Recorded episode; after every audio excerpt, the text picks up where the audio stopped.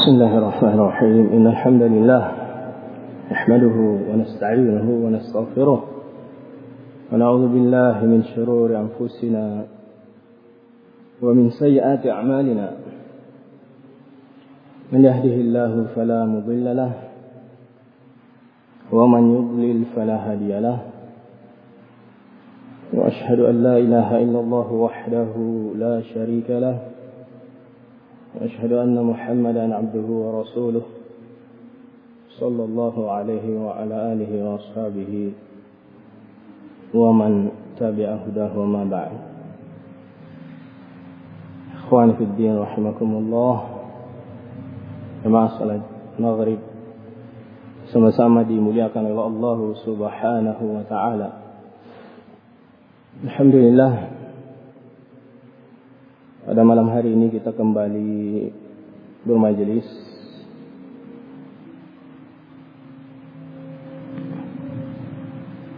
yang semestinya majelis rutin kita atau majelis rutin di masjid ini malam Sabtu. Namun dimajukan malam ini malam Jumat dan kajian kita untuk pertemuan kali ini adalah kajian yang bersifat tematik. Tema yang dipilih kaitannya dengan bulan Ramadan yang beberapa hari lagi kita akan memasukinya. Nah, menyambut Ramadan yang penuh dengan berkah. Penuh dengan berkah. Berkah artinya kebaikan yang banyak. Yang terus bertambah. Bulan Ramadan penuh dengan kebaikan yang banyak. Bulan Ramadan penuh dengan keutamaan yang banyak. Oleh karena itu sudah sepantasnya bagi kita kaum muslimin menyambut bulan Ramadan dengan penuh sukacita, dengan penuh gembira.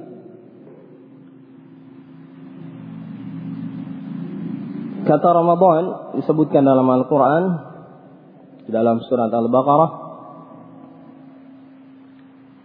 شهر رمضان الذي أنزل فيه القرآن bulan Ramadan yang di dalamnya diturunkan Al-Quran. Al-Imam Al-Baghawi Al-Imam Al-Baghawi rahimahullah di dalam kitab tafsirnya, Tafsir Al-Baghawi menukil pendapat salah seorang pakar tafsir, ahli tafsir di zamannya, zaman tabi'in yaitu Mujahid, murid Ibnu Abbas radhiyallahu anhu. Beliau mengatakan Ramadan huwa ismun min asma'illah ta'ala. Mujahid berpendapat bahwa kata Ramadan termasuk di antara nama-nama Allah Subhanahu wa taala, termasuk di antara Asmaul Husna. Ismun asma'illah ta'ala. Ini pendapat beliau. Beliau mengatakan yuqalu syahrul Ramadan kama yuqalu syahrullah. Dikatakan bulan Ramadan, syahrul Ramadan sebagaimana dikatakan syahrullah. Bulannya Allah. Namun Al-Imam Al-Baghawi rahimahullah mengomentari dengan mengatakan was sahih dan yang benar. Annahu ismun lisyahri. Ramadan adalah nama untuk suatu bulan. Jadi bukan termasuk nama-nama Allah Subhanahu wa taala.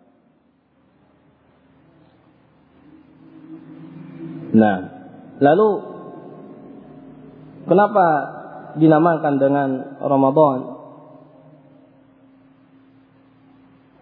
Beliau melanjutkan. Sumya bihi min ar-ramda. Ramadan dari kata ar-ramda'u. Ar-ramda artinya al-hijarah al-muhmah. Batu yang panas. yakni mereka dahulu berpuasa Ramadan fil har syadid di cuaca yang sangat panas. Nah, cuaca yang panas itu menyebabkan al-hijarah bebatuan ikut menjadi panas.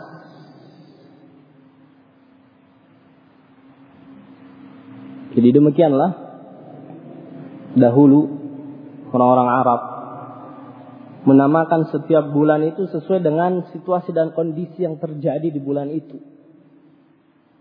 Seperti Dhul Hijjah. Kenapa dikatakan Dhul Hijjah? Karena nah ibadah haji dilaksanakan di bulan itu, Dhul Hijjah. Kenapa dikatakan Rabi, Rabiul Awal?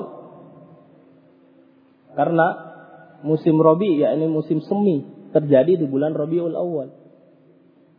Nah Ramadan kenapa dikatakan Ramadan? Karena cuaca di waktu Ramadan sangat panas.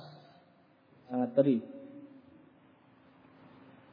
Di antara kita mungkin ada yang pernah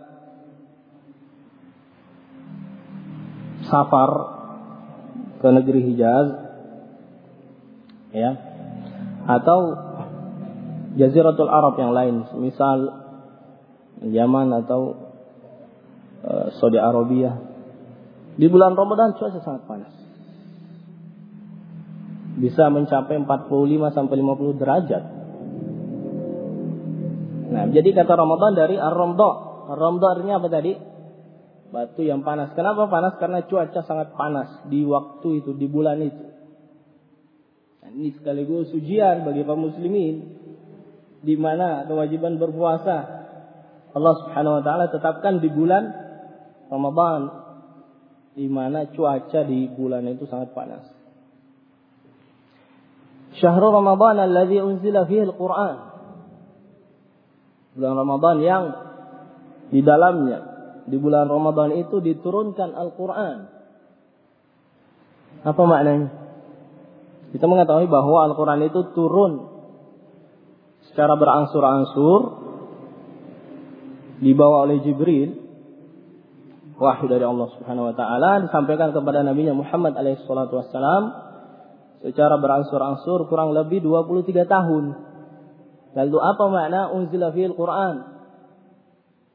Bulan Ramadan yang di dalamnya diturunkan Al-Quran, yakni diturunkan jumlatan wahidah sekaligus jadi Al-Quran diturunkan sekaligus. Dari mana ke mana? Diturunkan dari Allahul Mahfud ke Baitul Izzah yang ada di langit dunia. Turun sekaligus 30 juz. Di malam Lailatul Qadar. Di bulan Ramadan. Inna anzalnahu fi Lailatul Qadar. Sungguh kami menurunkannya yakni Al-Quran di malam Lailatul Qadar. Yakni turun secara jumlah wahidah sekaligus. Nah, bulan Ramadan. Kemudian setelah itu turun berangsur-angsur asbal waqaya sesuai dengan kejadian ya selama kurang lebih 23 tahun diturunkan kepada Ar-Rasul alaihi salatu wassalam. Nah. Barakallahu fikum. Ikhwani rahimakumullah, sebelum memasuki bulan Ramadan, ada beberapa hal yang harus kita perhatikan. Yang pertama, melunasi utang puasa. Sya'ban merupakan bulan terakhir. Kesempatan terakhir bagi kita yang memiliki utang puasa Ramadan tahun lalu. Agar supaya segera dilunasi. Aisyah radhiyallahu taala anha pernah berkata, "Kana yakunu alayya shaum min Ramadan fama astati'u an aqdiya illa fi Sya'ban." Adalah aku memiliki utang puasa Ramadan tahun lalu. aku tidak mampu mengkodoknya kecuali di bulan Syaban.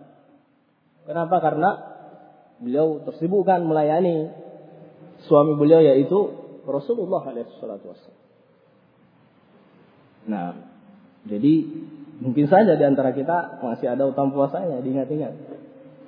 Segera dilunasi sebelum masuk Ramadan berikutnya. Atau keluarga kita, biasanya ummahat, para ibu. Iya, karena datang bulan. Ya, sibuk mengurus suami, mengurus anak. Mungkin lupa untuk melunasi utang yang mengkodok puasa Ramadannya, utang puasanya. Diingatkan kepada mereka. Anak istri kita, putri-putri kita, keluarga-keluarga kita. Nah, Barakallahu fiikum. Ramadan tinggal beberapa hari lagi. Hari ini hari Kamis, besok Jumat, kemudian Sabtu, Ahad, Senin.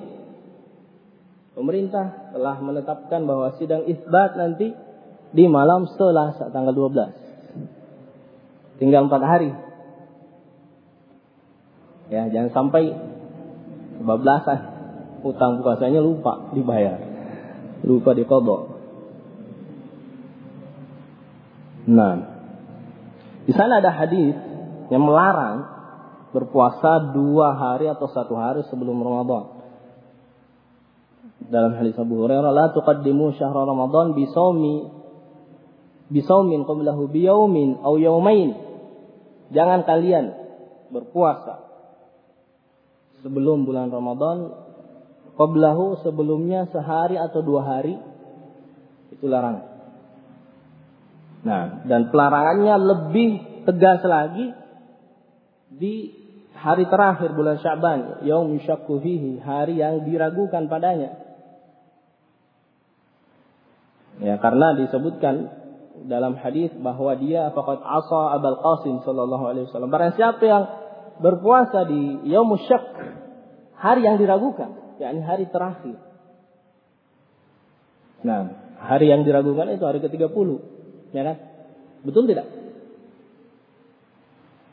30 ini 30 Syaban atau satu Ramadan kan diragukan.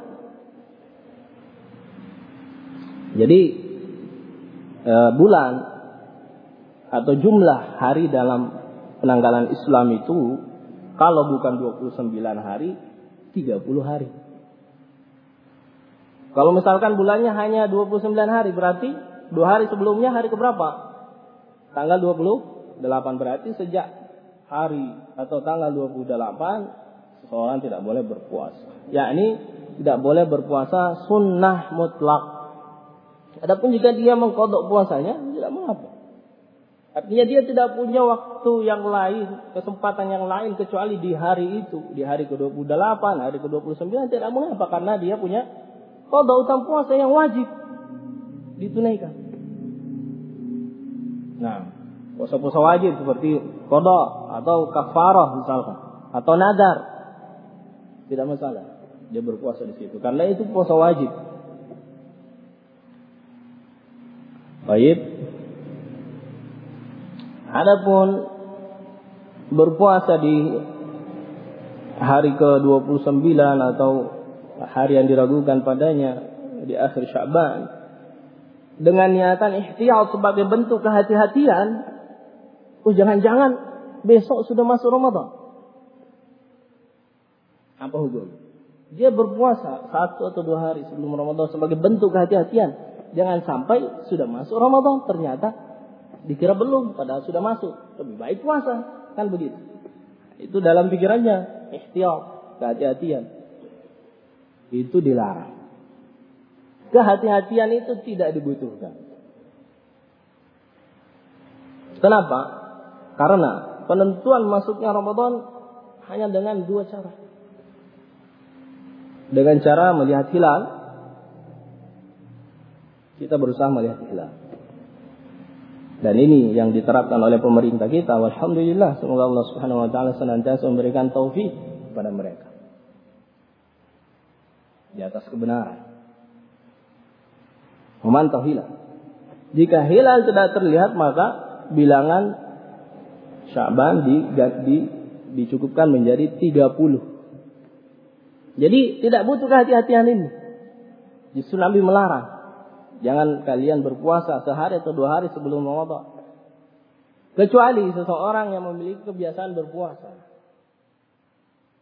Dia biasa puasa sunnah. Bukan puasa sunnah mutlak, tapi puasa sunnah yang merupakan kebiasaan dia seperti Senin Kamis. Seperti tanggal 29 nanti kan bertepatan dengan hari Senin, ya kan? Tanggal 29 nanti 29 Syakban nanti bertepatan dengan hari Senin. Dia biasa berpuasa hari Senin, Kamis. Dia boleh berpuasa di situ. Tidak terlarang karena Nabi mengatakan pada lanjutan hadis, illa an yakuna rajulun kana yasumu sauman falyasumu. Kecuali seseorang yang terbiasa berpuasa di hari itu, falyasumhu hendaknya dia berpuasa pada Nah. Barakallahu fikum. Ikhwani rahimakumullah. Itu yang pertama yang harus kita perhatikan sebelum masuk bulan Ramadan. Kemudian yang berikutnya menyambut bulan Ramadan dengan saling mengucapkan selamat. Selamat menjalankan ibadah puasa Ramadan. Biasa kita dengar? Biasa enggak? Biasa, biasa kita baca. Ya kan? Atau kita saling berkirim pesan. Selamat menjalankan ibadah puasa Ramadan. Apa hukum ya saling mengucapkan selamat dengan datangnya bulan Ramadan. Nah, dibolehkan. Dalam hadis Abu Hurairah radhiyallahu taala anhu Nabi alaihi salatu wasallam mengatakan, "Qad ja'akum Ramadan." Ramadan telah datang kepada kalian, syahrun mubarak, bulan penuh berkah. Apa tadi artinya berkah? Di awal majelis. Kebaikan yang banyak dan terus ber bertambah itu makna berkah. Penuh berkah. Iftaradallahu alaikum siyam. Allah mewajibkan atas kalian puasanya. Tuftahu fihi abwabul jannah. Padanya pintu-pintu surga terbuka. Ya, benar-benar terbuka. Cuma kita tidak melihatnya. Karena perkara gaib, tapi harus dibenarkan dalam hati. Ketika datang Ramadan maka pintu-pintu jannah terbuka. Bagaimana terbukanya wallahu a'lam. Yang jelas kita meyakini bahwa pintu-pintu jannah ketika Ramadan masuk dibuka. Nah. Baik. Wa tughlaqu fi abwabil jahim dan pintu-pintu neraka tertutup. Tughlaqu fi syayatin dan setan-setan dibelenggu. Di dalamnya ada satu malam khairun min alfi syahrin lebih baik lebih utama daripada seribu bulan. Ibnu Rajab rahimahullah mengomentari hadis ini dengan mengatakan hadal hadisu aslun fi tahliatin nasi ba'dihim ba'dan di syahri Ramadan. Hadis ini merupakan dalil asal, yakni dalil tentang bolehnya ya manusia itu annas yakni kaum muslimin saling mengucapkan selamat satu sama lain di syahri Ramadan dengan datangnya bulan Ramadan. Ada dalil, ada Abu Hurairah. Nah, dan demikian pula para ulama kita menfatwakan demikian. Syekh bin Baz rahimahullah ketika ditanya tentang permasalahan ini, ma hukum istiqbali Ramadan wal bisyara bihi wat tahani bihi, apa hukum menyambut bulan Ramadan dengan saling mengucapkan selamat? Beliau menjawab, Ya. Fala haraja fi. Hal yang demikian itu tidak mengapa. Kama fa'alahu salafus salih. Sebagaimana hal itu telah dilakukan oleh kaum salaf. Ya. Nah, para ulama kita terdahulu, kalangan sahabat, tabi'in, atba'ut tabi'in, saling mengucapkan selamat di antara mereka. Nah, ini penting barakallahu fikum supaya ya kita teringatkan bahwa apa yang akan kita hadapi ini adalah suatu momen yang sangat berharga. Dengan saling mengucapkan selamat orang akan sadar dan teringat bahwa kita akan menghadapi momen yang besar luar biasa keutamaan yang banyak yang Allah Subhanahu wa taala siapkan bagi hamba-hambanya yang soleh. Itu pentingnya. Saling mengucapkan selamat. Nah, barakallahu fikum. Demikian pula kita menyambut bulan suci Ramadan menyambutnya dengan bertobat dan beristighfar kepada Allah Subhanahu wa taala. Al-Imam Ibn Baz rahimahullah ketika ditanya apa nasihat yang mulia samahatul syekh terhadap kaum muslimin dalam menyambut bulan Ramadan. Beliau mengatakan nasihati lil muslimin nasihatu bagi kaum muslimin an yattaqullah agar mereka senantiasa bertakwa kepada Allah Subhanahu wa taala. Jadi begitu ya wasiat nasihat yang selalu diwasiatkan nasihatkan yang pertama adalah agar senantiasa bertakwa dan meningkatkan ketakwaan kita kepada Allah Subhanahu wa taala. Itu adalah wasiat Allah Subhanahu wa taala kepada umat ini dan umat-umat sebelumnya. Walaqad wasaina alladziina utul kitaba min qablikum wa iyyakum. Sungguh kami telah wasiatkan orang-orang yang dibeli kitab, yang diberi kitab sebelumnya dan kepada kalian apa wasiatnya? Anittaqullah, bertakwalah kalian kepada Allah. Dan juga wasiat Nabi kepada para sahabat. Usikum bitaqwallah Aku wasiatkan kalian untuk bertakwa kepada Allah. Para ulama juga demikian. Ya. Nasihat saya agar kaum muslimin pertama bertakwa kepada Allah. Menjaga ketakwaan, meningkatkan ketakwaan dalam menyambut Ramadan.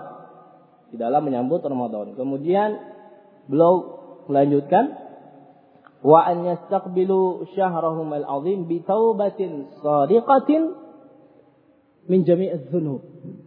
Dan agar mereka menyambut bulan Ramadan dengan taubat yang sadiqah.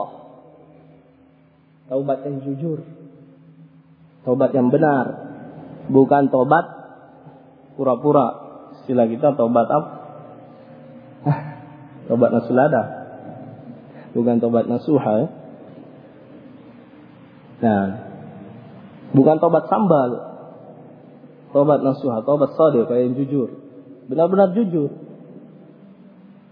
Ya, sebelum memasuki bulan Ramadan. Dari semua dosa, dosa besar maupun dosa kecil. Nah, mungkin kita bertanya, kenapa setiap ada momen, musim-musim ketaatan, bukan hanya bulan Ramadan saja. Mawasim ta'at.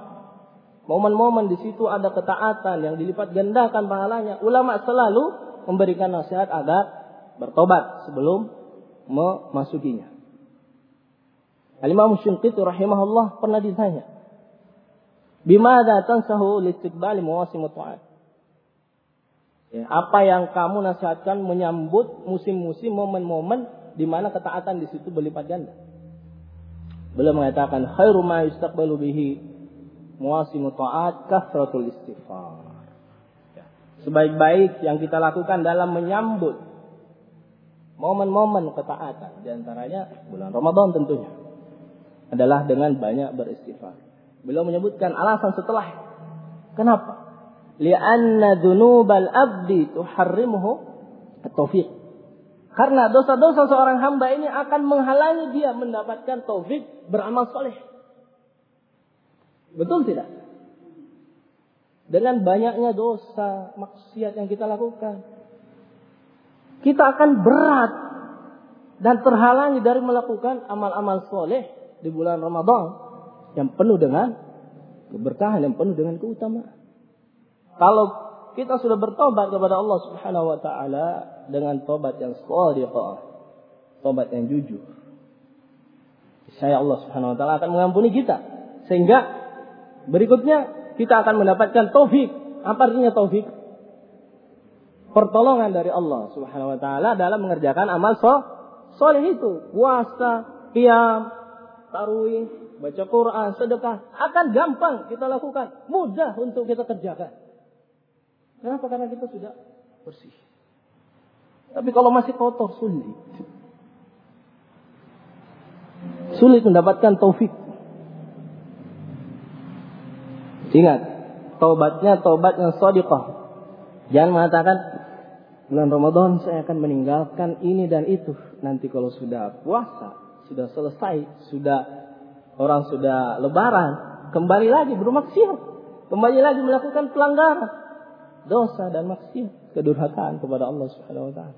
Itu bukan tobat sadiqah namanya. Tobat yang benar-benar sadiqah, yang jujur. Tidak akan mengulanginya kembali. Nah, termasuk indikator tobat jujur seorang, jujurnya tobat seorang adalah istakir. Dia menganggap buruk jelek perbuatan dosa yang pernah dilakukan. Ya. Dia menganggapnya busuk, buruk maksiat dan dosa itu. Nah, sehingga dia mencabut diri darinya dan bertekad kuat tidak akan mengulanginya kembali. Barakallahu fikum. Jadi itu yang pertama, yang ke berapa tadi? Yang yang kedua ya. Tadi saling mengucapkan selamat, kemudian menyebutnya dengan taubat dan beristighfar, Lalu berikutnya tentunya adalah dengan membekali diri kita. Membekali dari diri kita dengan membaca, mempelajari buku-buku kitab-kitab yang membahas tentang hukum-hukum puasa, fikih puasa. Alhamdulillah. Kita punya pegangan fikih puasa lengkap. Subhanallah lengkap dibahas di situ, tinggal dibaca. Bekali diri kita dengan hukum-hukum puasa hukum-hukum yang terkait dengan puasa yang akan kita lakukan. Itu termasuk cara kita menyambut bulan Ramadan. Jangan sudah beli bukunya disimpan di rak buku sampai berdebu, debunya 5 cm. Gak pernah disentuh sama sekali. Ya. Jadi orang yang benar-benar mendapat mendapat taufik dari Allah Subhanahu wa taala maka dia akan membekali diri Nah. Syekh Ibnu Baz melanjutkan wa an yatafaqqahu fi dinihim wa yata'allamu ahkama shaumihim wa ahkama qiyamihim. Ya, menyambut bulan Ramadan dengan cara mempelajari hukum-hukum puasa, mempelajari hukum-hukum tarawih yang akan dikerjakannya. Nah, barakallahu. Jadi kalau kita punya buku-buku kitab-kitab yang membahas tentang hukum-hukum puasa dibaca sebagai bentuk persiapan kita memasuki bulan Ramadan. Barakallahu Kemudian berikutnya dengan menyambut bulan Ramadan dengan penuh kegembiraan. Ya. Dan meminta kepada Allah Subhanahu wa taala agar Allah menolong kita dalam mengerjakan puasa, tarawih, sedekah, qiraatul Quran dan kebaikan-kebaikan yang lain. Para ulama ussalaf sebagaimana dinukil oleh Yahya ibnu Katsir, Yahya ibnu Abi Katsir belum mengatakan karena min termasuk di antara doa mereka kaum salaf Allahumma sallimni ila Ramadan ya Allah sampaikanlah aku kepada bulan Ramadan Allahumma sallim li Ramadan. Sampaikan Ramadan kepada aku. Wa tusallimhu minni mutaqabbilan. Dan terimalah dariku amal ibadah. Begitu cara kita menyambut bulan Ramadan. Kita berdoa kepada Allah Subhanahu wa taala, meminta pertolongan agar Allah Subhanahu wa taala menolong kita semua dalam mengerjakan amal ibadah berupa puasa, berupa salat tarawih, sedekah dan yang lain. Jangan menyandarkan ya segala sesuatu itu kepada usaha dan upaya kita jangan. Nah, ya, mohon minta kepada Allah agar kita mendapatkan pertolongan, agar ditolong oleh Allah bisa mengerjakan puasa dengan lancar dan ibadah-ibadah yang lain. Ya, Jangan ditimpa oleh uh, sifat gurur, tertipu dengan kemampuan dia beribadah. Menganggap dirinya ahli ibadah. Kemudian lupa meminta pertolongan kepada Allah Subhanahu wa taala. Nah, jadi itu beberapa hal yang kita lakukan dalam menyambut bulan Ramadan. Ya. Adapun yang dilakukan oleh sebagian orang menyambut bulan Ramadan dengan menghiasi rumahnya, catnya yang tadi sudah apa luntur dicat, ya kan? Ya mungkin kalau di negara kita budaya seperti ini kurang. Biasanya budaya seperti ini kita dapatkan di tengah-tengah masyarakat kita ketika hendak lebaran ya. Nah, adapun di luar sana ya, di Jaziratul Arab mereka menyambut bulan Ramadan dengan menghiasi rumah-rumah mereka. Ini tidak ada contohnya dari Nabi dan para sahabat. Jadi tidak perlu dilakukan dan tidak ada ritual khusus di sana. Nah, barakallahu fikum. Ikhwani fi din rahimakumullah. Bulan Ramadan yes, yes, sebagaimana kita sebutkan tadi di atas bulan yang penuh dengan keutamaan, bulan yang penuh berkah. Allah Subhanahu wa taala banyak menyiapkan al-fadail, keutamaan-keutamaan bagi hamba-hambanya yang beriman dan beramal soleh di bulan Ramadan. Di antaranya apa yang disebutkan dalam hadis Abu Hurairah radhiyallahu anhu. Nabi mengatakan idza jaa Ramadan apabila Ramadan datang futihat abwabul jannah pintu-pintu surga akan dibuka. Wa ghulliqat abwabun nar dan pintu-pintu neraka akan ditutup. Suffidatis syayatin dan setan-setan akan dibelenggu. Para ulama di antaranya Al-Imam Muhammad bin Shalih Al-Utsaimin rahimahullah menjelaskan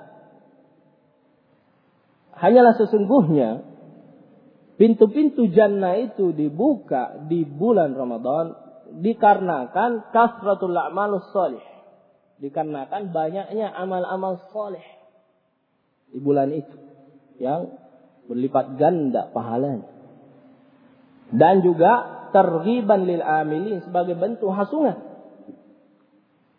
bagi orang-orang yang beramal. Nah, sementara pintu-pintu neraka ditutup Kenapa? Liqillatil ma'asi karena sedikitnya maksiat yang dilakukan di bulan Ramadan. Dan itu musyahad. Ya. Kita saksikan sendiri. Di bulan Ramadan banyak orang yang berlomba-lomba melakukan amal soleh. Sedikit maksiat. Nah. Min ahli iman dari orang-orang yang beriman. Dan setan-setan dibelenggu. Sehingga mereka tidak bisa bebas dalam uh, menggoda ya membisikkan kejelekan kepada orang-orang yang beriman. Mungkin ada yang bertanya, kalau setan-setan itu dibelenggu, kenapa masih ada maksiat? Walaupun tidak banyak, tapi masih ada. Ada nggak yang muncul dalam benaknya? Ada, ada maksiat. Di bulan Ramadan tidak hilang sama sekali, tidak hilang semua, tidak. Ada. Walaupun ya mengecil. Nah, tidak sebanyak sebelumnya. Contoh maksiat yang kita lihat biasanya anak-anak muda habis sholat subuh itu boncengan. Ya, muda-mudi boncengan habis sholat subuh, habis pulang tarwi itu kan maksiat. Ya. Padahal bukan mahram. Kenapa masih ada seperti itu? Padahal setan-setan sudah dibelenggu. Ulama menjawab dengan mengatakan sebab sebab faktor maksiat itu bukan hanya dari bisikan setan. Bisikan setan, pengaruh setan hanya salah satunya. Bukan satu-satunya, tapi salah satu faktor orang bermaksiat. Ada banyak faktor yang lain di antaranya apa? An-nafs, ammaratun bisu, jiwa yang selalu mengajak kepada ke kejelekan. Memang jiwanya buruk, jelek, selalu mengajak kepada maksiat dosa. Walaupun tidak digoda setan, Walaupun tidak digoda setan, jiwanya itu terbiasa melakukan kejelekan keburukan. Nah, sehingga terjadilah maksiat itu. Memang setannya dibelenggu tapi jiwa Amaratum bisu ini yang selalu mengajak kepada kejelekan ini masih ada. Jawaban yang kedua, jawaban yang lain kata para ulama, memang setan setan itu dibelenggu. Tapi kenapa masih ada maksiat? Karena yang dibelenggu sebagaimana dalam riwayat yang lain adalah marodatus syaitan. Pentolan-pentolan setan, bos-bosnya, pembesar-pembesar setan. Adapun yang cilik-cilik, setan-setan kecil itu masih bebas berkeliaran. Yang dibelenggu pembesar-pembesarnya, pentolan-pentolan. Makanya masih ada maksiat tapi tidak sebanyak sebelum bulan Ramadan. Begitu. Jadi dua alasan. Terjawab ya iskal tadi, pertanyaan tadi. Nah, jiwa nafs maratun bisu yang selalu mengajak kepada kejelekan dan juga setan-setan yang bukan pentolan-pentolannya, setan-setan kecil. Barakallahu fikum. Ikhwan fiddin rahimakumullah. Di antara keutamaan puasa Ramadan, kalau tadi keutamaan Ramadan secara umum ya. Apabila Ramadan datang. Bukan puasanya yang disinggung toh. Ramadannya. Idza jaa Ramadan, apabila bulan Ramadan datang, apa yang terjadi? pintu-pintu jannah dibuka, pintu-pintu neraka ditutup dan setan dibelenggu. Nah, lalu dengan puasanya bagaimana? Apa keutamaan puasa Ramadan? Rasulullah SAW dalam hadis Abu Hurairah bersabda, "U'tiyat ummati khamsu khisalin fi Ramadan lam yu'tahunna ummatun minal umam qablaha." umatku diberikan khamsu khisal, lima khisal. Lima kelebihan, keutamaan. Di Ramadan, di bulan Ramadan yang belum diberikan, tidak diberikan kepada umat umat sebelumnya. Yang pertama, khulufu famis saimi atyabu indallahi min rihil misk.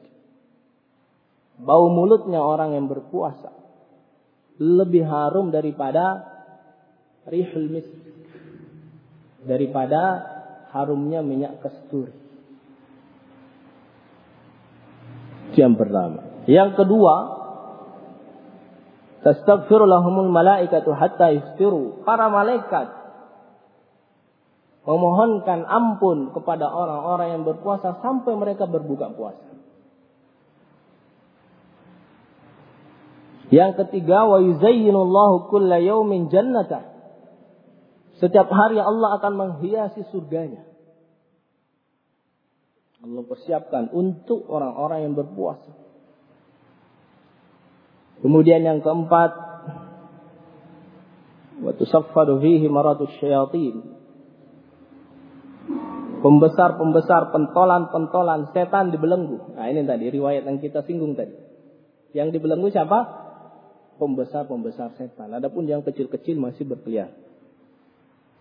Nah, lalu yang kelima, kata Nabi alaihi salatu wa yufaru lahum fi akhir lailatin.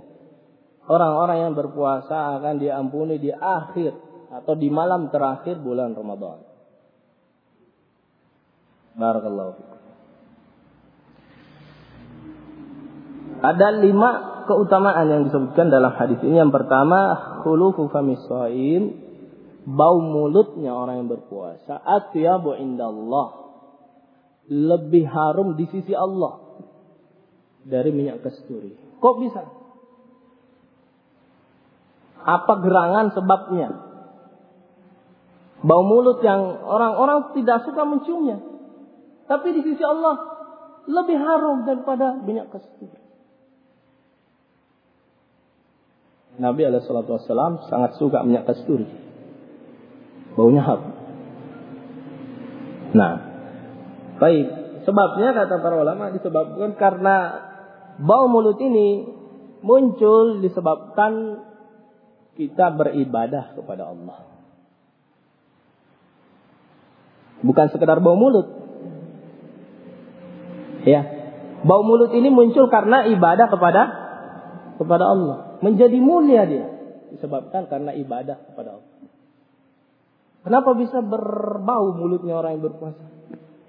Padahal sudah bersiwak dan sudah gosok gigi. Walaupun di siang Ramadan masih ber, sudah eh, sudah bersiwak ya. Siang Ramadan bersiwak. Tapi tetap bau. Kenapa? Karena ini kosong. Lambung kosong. Lambung yang kosong menyebabkan bau mulut. Nah. Nasyi'an ibadatillah. Muncul disebabkan karena ibadah kepada Allah. Jadi segala sesuatu yang muncul terjadi karena merupakan sebab dari beribadah kepada Allah itu disukai oleh Allah Subhanahu wa taala. Contoh yang lain. Darahnya orang yang meninggal sebagai syahid fi sabilillah di jalan Allah Subhanahu wa taala. Nah, ketika dibangkitkan ya, itu lebih harum. Lebih harum uh, dari minyak kasturi. Nah, launuhu launud dam wa rihuhu rihul misk. Warnanya warna darah, tapi baunya bau minyak kasturi. Tidak berbau amis. Kenapa? Karena darah tadi muncul, ya. Darah tadi keluar disebabkan karena dia melakukan ibadah ibadah yang mulia yaitu jihad fisabilillah. Waktu masuk. Banyak ini yang mau sampaikan. Baru satu kan? Tambah lima menit. Baik. Ya, jadi eh, jihad yang syar'i ya, bukan mengatasnamakan dirinya berjihad. Seperti yang baru terjadi. Ya kan? Dia bunuh diri di Makassar, bom bunuh diri. Itu darahnya nanti baunya bau apa nanti pada hari kiamat? bau amis. Karena jihadnya tidak masyar, tidak disyariatkan. Itu bukan jihad yang syari. Nah, bukan jihad. Atau seperti perempuan, justru perempuan yang menyerang Mabes Polri. Perempuan ya. Masih muda, 25 tahun. Itu kan ditembak berdarah. Itu darahnya nanti pada hari kiamat nggak bau kasturi. Ya, karena bukan jihad barakallahu. Jadi jihad ya di syariat. Nah, baik. Contoh yang lain seperti orang yang melakukan manasik haji. Iya. Dia meninggalkan hal-hal yang bisa merusak. Ya. Hal-hal yang dilarang, al-mahdhurat, hal-hal yang dilarang ketika dia berihram, berupa berhias, memakai wangi-wangian, kemudian wukuf di Arafah dalam keadaan ya, ya acak-acakan, ya kan? Karena meninggalkan berhias tadi. Tapi ini disukai oleh Allah Subhanahu wa taala. Nah, ya, karena keadaan yang dialaminya ber apa namanya pakaiannya lusuh, kemudian acak-acakan ketika berihram tadi, ya itu terjadi karena dia melakukan ibadah kepada Allah Subhanahu wa taala. Jadi segala sesuatu yang muncul karena ibadah, karena sebab ibadah itu disukai Allah Subhanahu wa taala. Di antaranya adalah bau mulut orang yang berpuasa. Kemudian keutamaan yang kedua adalah para malaikat memohonkan ampun kepada Allah Subhanahu wa taala bagi orang yang berpuasa sampai dia berbuka puasa. Jadi mulai dari kita menah sampai buka puasa berapa jam itu. Terus malaikat memohonkan ampun. Allahumma firli fulan, Allahumma firli fulan. Ya Allah ampuni fulan bin fulan. Ampuni fulan.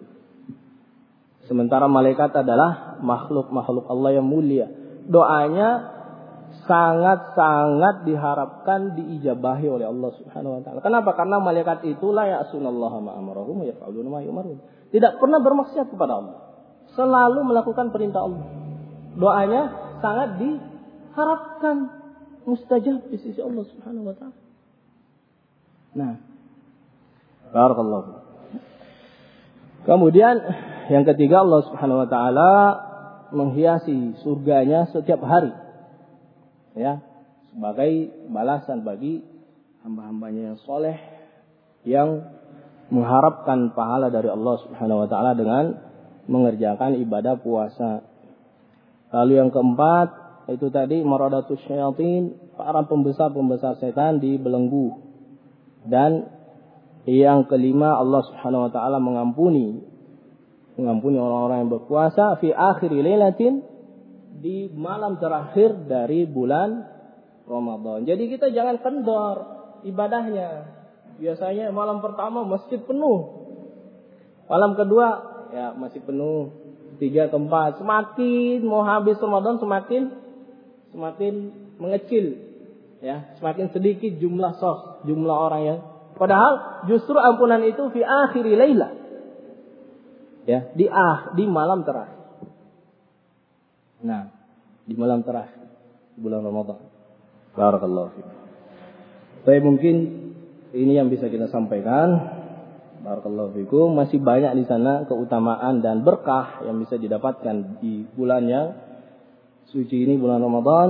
Akan tapi karena kita e, terbatas oleh waktu, semoga yang sedikit ini bisa bermanfaat untuk kita bisa menjadi ilmu yang bermanfaat yang melahirkan amal yang soleh dan jangan lupa menyampaikannya kepada saudara-saudara kita yang lain kaum muslimin. Barakallahu fiikum. Wa sallallahu wasallam baraka ala nabiyyina Muhammadin wa ala alihi wasallam. Alhamdulillahi rabbil alamin. Tafadhal.